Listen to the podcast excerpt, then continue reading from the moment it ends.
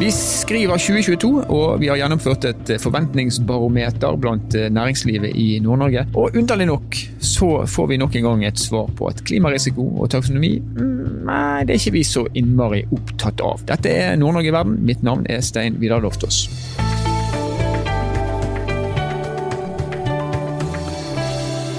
Da vi gjennomførte forventningsbarometeret for Nord-Norge for 2021, så så vi at det var en liksom avtakende trend rundt hvor opptatt man var av klimarisiko og bærekraft.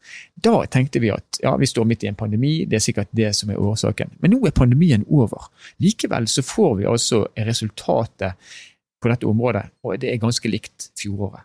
Man mener at eh, det ikke er så viktig. Hvorfor er det sånn? Og hva konsekvenser kan det ha? Det skal vi eh, bore litt i, i denne episoden av Nord-Norge i verden.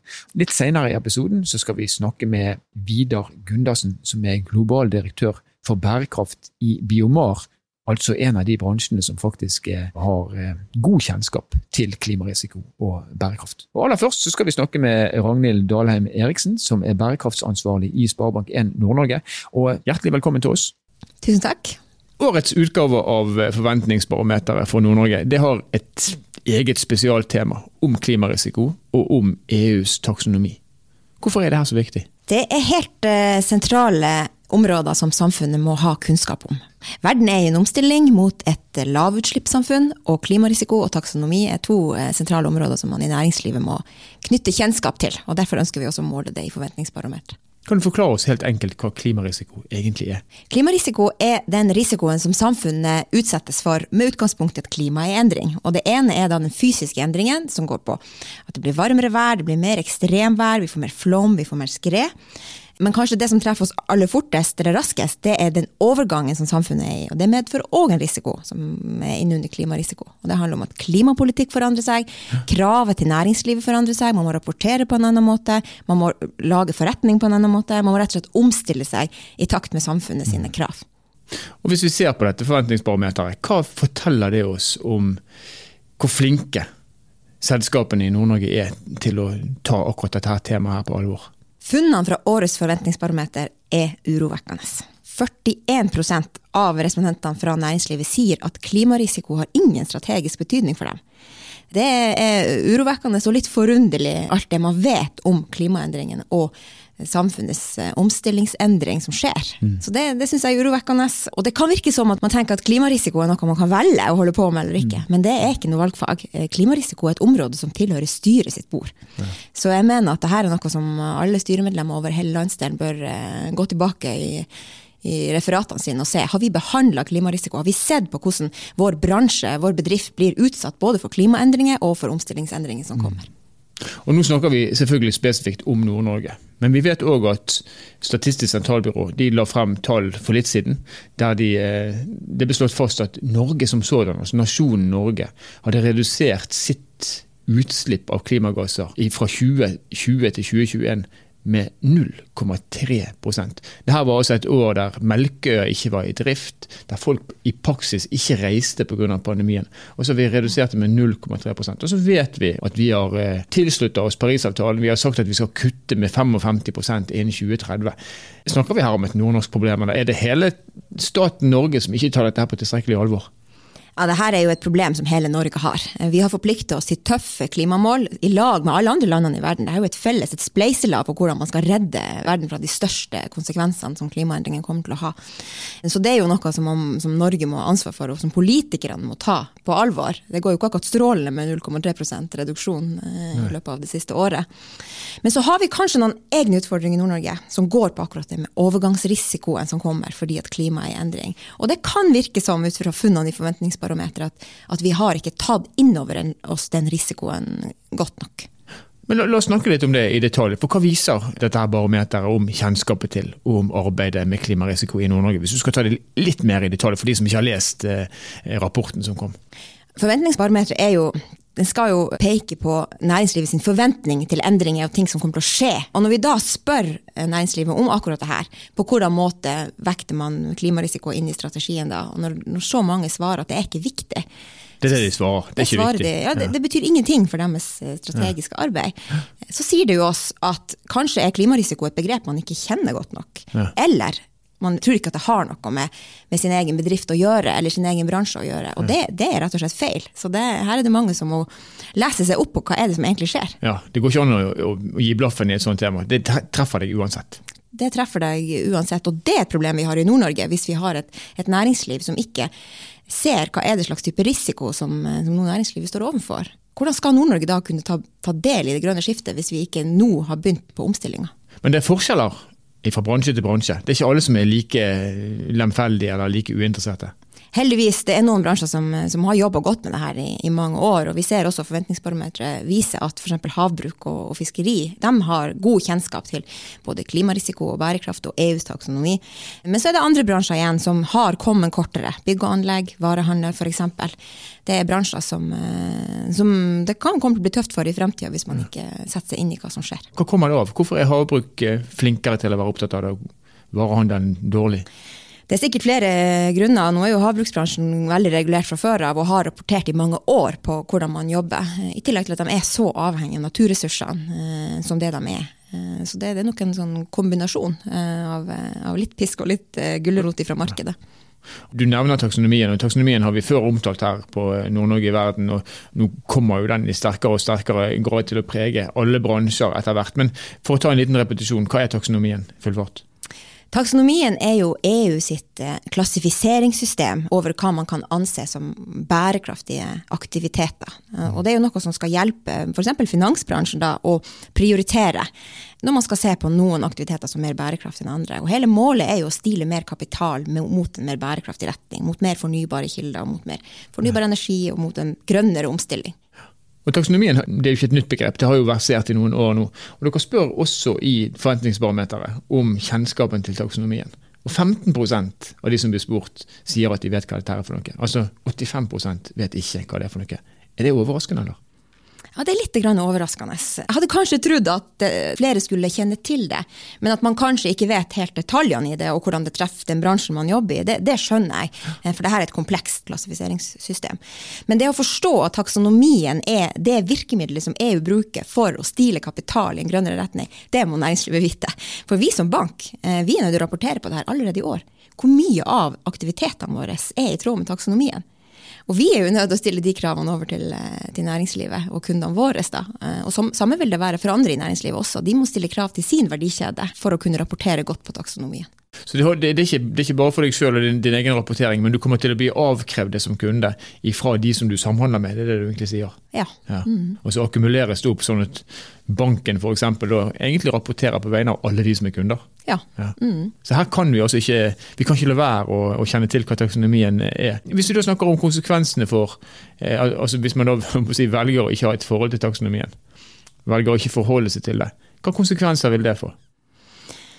I det lange løp så vil det kunne føre til at du rett og slett ikke får lån. Eller at du ikke får vinne anbudet eller får lov å samarbeide med de forretningspartnerne du ønsker å samarbeide med. Fordi at dette er en del av de virkemidlene som EU nå har pekt på, som skal, som skal forhindre at det blir grønnvasking i samfunnet. Så det er jo et, et veldig bra initiativ. Det er veldig bra. Det, det, det, setter bærekraft inn i et system, og det har man jo mangla. Så eh, også mindre aktører bør vite hvordan Eh, taksonomien treffer den bransjen de jobber innenfor og, og ønsker å, og, og jobbe innenfor i fremtida. Og så er det sånn at Fra årsskiftet av så er det mange som må rapportere.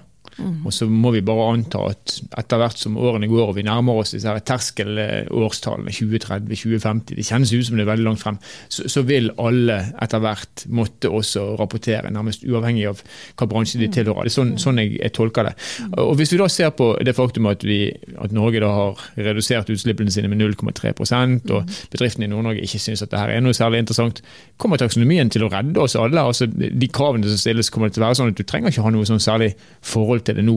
For Før eller siden så blir du tvunget inn i et spor, og så er det det som kommer til å føre til at vi klarer å nå 55 %-målet i 2030 og, og nullutslippsmålet forhåpentligvis i 2050 det som jeg i hvert fall kan si om en bærekraftsreise i næringslivet, for det vet vi noe om vi, eh, i Sparebanken Nord-Norge, vi har jo jobba med det noen år, det er at, at, det skjer ikke over natta. Det er noe man må jobbe med. Så hvis man vet at man skal rapportere på taksonomien til neste år, eller om to år, eller om tre år, så må man starte reisa nå. Man er nødt å skru forretninga si på en sånn måte at man faktisk er i tråd med det som anses som bærekraftig næringsliv. Det er i hvert fall eh, mitt råd. Men for staten Norge, da, er det sånn å forstå at vi kommer til å nå 55 %-målet i 2030 fordi man kommer til å endre reguleringene? Enten det, eller så må man jo endre loven. Ja. Altså Klimaloven forplikter oss på utslipp. Så eh, jeg vil nok anta at uh, skruen kan komme til å bli riktig stram når vi nærmer oss 2030. For Norge har forpliktelser overfor verdenssamfunnet. Eh, og de, de, må vi nok eh, overholde. Bærekraft er ikke valgfag. Du, du, har vært innom det allerede. I Sparebanken Nord-Norge så jobbes det grundig med det her. Naturligvis, fordi at rapporteringskravene der er veldig skarpe og de er allerede til stede. Kan ikke du si litt om hvordan dere jobber, og hvordan ikke minst, hvordan og når kundene kommer til å merke de endringene som konsernet er i ferd med å gjennomføre? Altså Klimarisiko er et område vi har jobba med nå eh, de siste årene. og det, det, jobber vi med rett og slett når vi gir lån. Vi vurderer hvordan eh, bransjer og kunder er eksponert for klimarisiko. Så det er allerede en del av Men Forklar, forklar det i detalj. Hva, hva betyr det altså, når du vurderer en bransje? Det betyr f.eks. at vi må se på eh, Det er ikke alle steder man kan bygge hus eller bygge bygninger i dag, fordi man vet at havet kommer til å stige noen plasser. Ja. Man er nødt til å ta for seg de klimaendringene som, som, vi vet kommer, og de endringene som rett og slett allerede er her i dag. Ja. Og i andre tilfeller så er det jo aktører for eksempel, som driver med, med, store miljøskader som en del av, eh, av, den virksomheten de gjør. Det er ting som vi som bank faktisk er nødt til å være med og vurdere eh, risikoen i. Ja.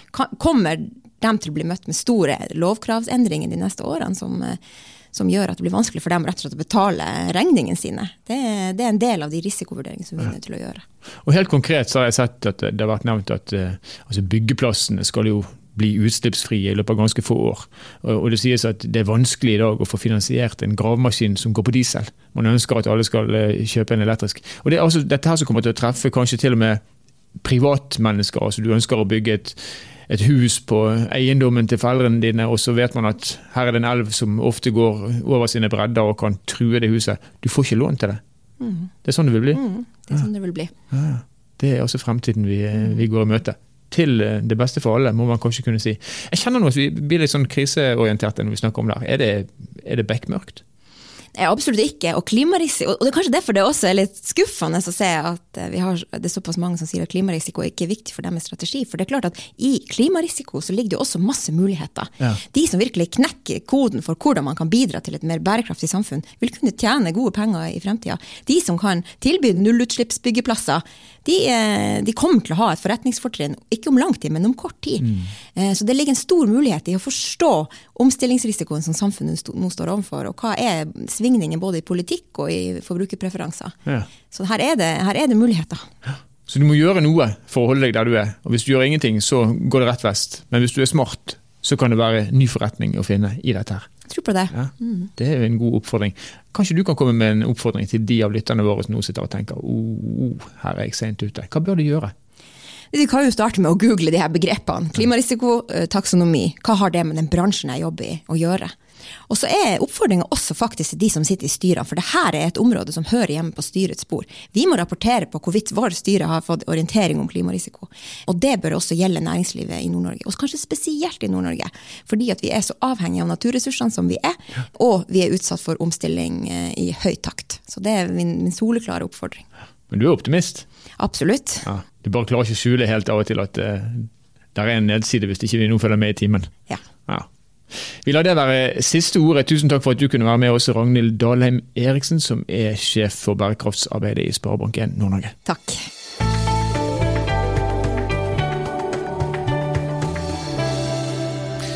Selv om kjennskapen til klimarisiko og til EU-taksonomien generelt viser seg altså å være ganske lav i næringslivet i Nord-Norge, så finnes det bransjer som også skiller seg positivt ut, og en av de er fiskeri og akvakultur. Og Biomar er en av verdens største fôrprodusenter til akvakulturnæringen. Og For 35 år siden så etablerte de sin første norske fabrikk på Myre i Vesterålen. og I dag har selskapet produksjonsanlegg i hele elleve land, og de har kunder over hele verden. Og Nå har vi med oss Vidar Gundersen, som er global direktør for bærekraft i Biomar. og Velkommen til oss, Vidar. Tusen takk for det. Kan du fortelle litt om hvordan dere jobber med klimaomstilling i eh, Biomar? Ja, i Biomar så har vi tatt uh, det her på alvor veldig lenge. Vi var jo veldig tidlig ute med å konseptualisere bærekraft, om jeg kan kalle det. Vi har et konsept vi kaller Biosustain, og vi lanserte det allerede i 2007 under Aqua Nord-messa som var det året. Mm. Så vi har holdt på aktivt med det her i, i 15 år. Det har jo tatt litt tid å få, få implementert det her inn først da i Norge, Bymar Norge, og så globalt i Bymar. Men vi har nå over flere år jobba systematisk med bærekraft, og klima spesielt, de, de siste. Eh, hvor vi bl.a. har kommet opp med målsetning og ambisjoner på karbonreduksjon. karbonreduksjon. Mm. Og har også bl.a. gått inn i det som kalles for Science Based Targets Initiative. Det vil si at vi vi forplikter oss litt, litt mer enn det som er vanlig eh, på området. Da. Men dere har altså ikke venta på reguleringene, dere var tidlig i gang. Og så har dere satt, en, eh, satt dere et mål om at dere skal redusere utslippene deres, klimagassutslippene med en tredjedel fram til 2030. Konkret, hvordan skal dere lykkes med det? Det her Målet om å redusere med en tredjedel, det går da altså på per kilo fôr produsert, mm. eller tonn fôr produsert, om du vil med en referanse i 2020-2021. Eh, det vil si vi, vi, må, vi må ha noe å sammenligne mot. Og det er litt mer komplisert enn hva det høres ut, det der faktisk. fordi at når man snakker om å redusere eh, klimagasser, og, og, det som da gjerne kalles karbonavtrykket, så snakker man eh, ofte om de her scope 1, scope 2 og scope 3-områdene. Og, og, hva er nå det? Scope 1 og Scope 2 det handler jo da om en bedrifts, en organisasjons direkte avtrykk. Altså den energien og de, de utslippene som er i forbindelse med, med produksjon sant, av en vare eller tjeneste. Også da elektrisitetsforbruk knytta til det. Mens Scope 3 er jo det som på en måte indirekte kommer inn, men som vi ikke da har kontroll over, mm. sånn, eller eierskap i. da. Og det er jo der de største uh, utslippene ligger, eh, spesielt i vår industri. Det vil si at vi ja, importerer, kan vi si, masse utslipp. Og for oss så gjelder jo det fòrråvarene, da. Og her snakker vi faktisk om over 95 av eh, alle våre utslipp. Og de ligger i skop 3, akkurat. De ligger i skop 3. Ja. Mm. Det betyr at dere har vært kjempeflinke selvfølgelig da, fra før av på skop 1 og skop 2, men bare sånn at vi at lytterne eh, forstår hva som inngår i fôrproduksjonen. Altså dere henter råvarene andre steder i verden, 95% av utslippene der. Men hva er disse råvarene, og hvor er det dere henter de fra? Ja, Det, har jo, de jo endra seg, det bildet der, eh, de siste 30 årene. I 1990 eh, så var det jo veldig mye fiskemel og fiskeolje som ble brukt. Men så vet vi jo alle det at de, de der er jo begrensa råvarer. Rundt den samme tida, der, rundt 1990, så, så nådde vi jo taket når det gjelder eh, fiske på globalt nivå. Og siden har vi ikke klart å fiske opp mer, og det skal vi jo heller ikke. Vi skal jo ikke legge press på de ressursene der. Så det som har vært tilgjengelig, også som fiskemel og fiskeolje, har vi da kunnet benytte oss av. Men, men industrien den har jo vokst, mm. altså akvakulturindustrien. Og da sier det seg sjøl at mindre og mindre av fiskemel og fiskeolje blir i fôret. Og det må jo da erstattes av noe. Og det har jo blitt erstatta primært av vegetabilier. Soya bl.a. Soyaprotein. Vegetabilske oljer, rapsolje. Veldig mye av.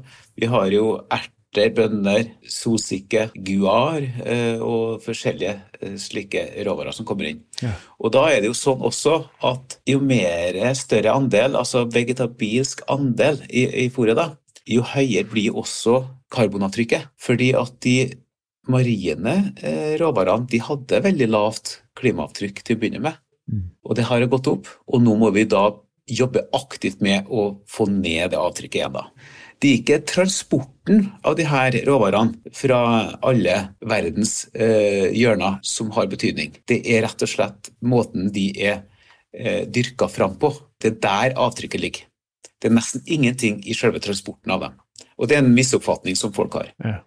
Og Dere har jo produksjonsanlegg eh, mange steder i verden. Dere har i Asia, dere har i Sør-Amerika. det er klart at, eller Jeg vil tro at råvarene transporteres ganske kort, men fôret som, som, til slutt blir eh, ferdigprodusert, det må, det må jo, sendes til, eh, til, der som laksen står i merdene. Men altså, hvor komplekst er det for dere å jobbe da med å skulle kutte disse avtrykkene når man snakker om Asia og Sør-Amerika og kan du si, kontinenter eller land der man kanskje da er ikke fullt så opptatt av, eh, av, klimakampen som det vi er? Eller tar jeg feil? Nei, du, du, du, du, har helt rett. Eh, det er et veldig godt spørsmål. Og det er komplisert og komplekst. Ehm, Og det handler jo om å systematisere ting. Vi må eh, altså, kartlegge ting først og fremst, ikke sant? Og, og, så må man jo kartlegge det der på globalt nivå. Og vi har ulike utfordringer, vi, har, vi er på ulikt eh, nivå og stadie. Eh, men det handler om å, å, å, legge et løp og fortsette å jobbe med da, scope 1 og 2, som det du påpeker nå. Fordi om det er et lavt andel av vårt avtrykk, så må vi jobbe med det. Ja. Alle må jobbe med sine egne avtrykk. Det vil si at um, vi må planlegge for å, å komme over på uh, fornybar energi. Mm gå bort fra type eh, gass når det gjelder eh, produksjonsutstyret vårt, da, ikke sant? og over på elektrisitet og, sån, og slike ting. Mm. Som vi nå bl.a. på Myre, eh, fabrikken der, har, har gjort eh, nå, nå nylig alle måneder drar, og kanskje det er enklere å få bukt med de siste 5% i Norge enn det å få bukt med 5 i andre land i verden, i hvert fall foreløpig. Men vi må jo tro at, eh, at, fokuset også eh, etter hvert kommer til å være like sterkt der. Dere har holdt på siden 2007, og eh, klimaarbeidet, er det i Biomar, er det, er det hessel, eller vurderer dere det som noe som kan bli et konkurransefortrinn for dere? Ja, det er et godt, eh, godt spørsmål. Det var kanskje litt hassle eh, til å begynne med, men vi, vi, vi så fort at uh, det her faktisk uh, kan bli et fortrinn. Og det føler jeg at det fortsatt er. Nå er jo det her noe som blir en, en såkalt ticket to play eh, i framtida. Men å være litt i forkant her, det har sine fordeler. Helt klart. Vi føler jo at med kompetanse på området, så kan jo vi hjelpe våre kunder. Og når man søker sånne type partnerskap, så, så får man et, et godt samhold som, som, kan hjelpe. Så, så ja, det er nok, det er nok et lite konkurransefortrinn her også, helt klart. For De som kjøper fôr fra Biomar, de skal vel også få ned sitt totale klimaavtrykk, og da kjøpe et lavutslippsfôr, det må man kunne anta vil være bedre enn å kjøpe det motsatte. Og Da kommer jeg til det siste spørsmålet som eh, jeg har lyst til å stille deg videre. fordi at Dere sier ned med en tredjedel eh, klimagassutslipp til 2030, altså målt imot 2020-2021-tallene deres. Og så vet vi at verden snakker om klimanøytralitet innen 2050. Er det en målsetning for dere å, å, komme på et nivå der dere er 100% bærekraftige, eller altså har et nullutslipp i produksjonen deres? Er det mulig å tro på at det går an? Ja, det er mulig å tro på at det går an, og vi må tro på at det går an. Vi har eh, lange planer også, eller de er ikke helt konkrete ennå, men, men, men vi, vi, jobber jo mot det. Et, eh, å, å, fortsatt redusere det her, så selvfølgelig etter 2030. Men det er klart at vi kommer jo til noen punkt der at ting blir veldig vanskelig. Og de, og de siste prosentene, selvfølgelig, de er jo alltid, uh, alltid vanskeligst. Men det det handler om her, veldig mye, det handler om å, å jobbe sammen i, i verdikjeden. Vi, vi, får ikke til noe uh, av det her hvis ikke vi kan jobbe sammen og prøve å initiere ny teknologi, uh, få nytt tankegods, gjøre ting på en annen måte. Og det der er det der er tungt. Det, det, vet vi jo fra alt vi gjør. ikke sant? Det å, å snu tankene våre og, og, jobbe med eh, endring er, er, veldig vanskelig. Men, men, vi er nødt til det. Og det er klart at etter hvert som man da får, får, ting til å rulle litt, så handler det om å få det til å rulle fortere. Og det kan gå veldig fort, mm. men alle må være med på å dra det her lasset og være med på laget. Og det er jo det vi også prøver nå, eh, spesielt også opp mot våre eh, leverandører. Men vi må også vi må se oppstrøms altså der, og så må vi også se nedstrøms med våre kunder og få dem til å committe, være med litt, forplikte seg litt. Da er det så mye lettere. Og så Forhåpentligvis kan vi få litt sånne forpliktelser langs hele verdikjeden, og da er det eh, mye lettere eh, å jobbe. I hvert fall så kan vi gjøre ting raskere. Så kan vi jo også som en trøst legge til at det er 28 år til 2050. og Hvis alle etter hvert ser det samme bildet, og alle blir regulert og får krav på seg, så vil man på en måte nærme seg målet fra alle kanter. og Da er det større mulighet for at vi lykkes med det. Det er det absolutt. Ja. Vi lar det være siste ordet. Tusen takk for at du kunne være med oss, Vidar Gunnarsen, som er altså da global direktør for bærekraft i Biomar. Takk for at jeg fikk være med. Så mens eh, næringslivet i Nord-Norge kanskje er litt eh, mindre opptatt av klimarisiko og taksonomi enn det man både skulle tro og skulle ønske, så er det også, også bransjer her som eh, tar dette her på høyeste alvor. Biomar representerer altså da havbruksnæringen. De produserer fôr til laksen. Dette her er altså et selskap som opererer i et fagområde som er helt avhengig av god bærekraft. Og de jobber altså godt med dette, og de ser det sågar som et forretningsfortrinn. Og Det er kanskje ganske lett å forstå, fordi at etter hvert som alle bransjer blir krevd et regnskap på klima, man blir krevd eh, rapportering på hvordan man jobber med bærekraft, så er det veldig greit å ha leverandører som Biomar, som faktisk har tatt dette her på høyeste alvor og ligger langt fremme. Neste år kommer vi til å gjennomføre forventningsbarometeret på nytt ign. Vi kommer til å spørre om klimarisiko da òg. Vi kommer til å fortsette å snakke om klimarisiko og EU-taksonomien, rett og slett fordi det er så viktig at vi må sikre at alle har et forhold til dette. Nord-Norge Verden er en podkastserie som er produsert av Sparebank1 Nord-Norge i samarbeid med Helt Digital. Musikken du har hørt er laget av Emil Karlsen. Mitt navn er Stein Vidar Loftaas. Vi høres igjen i neste episode.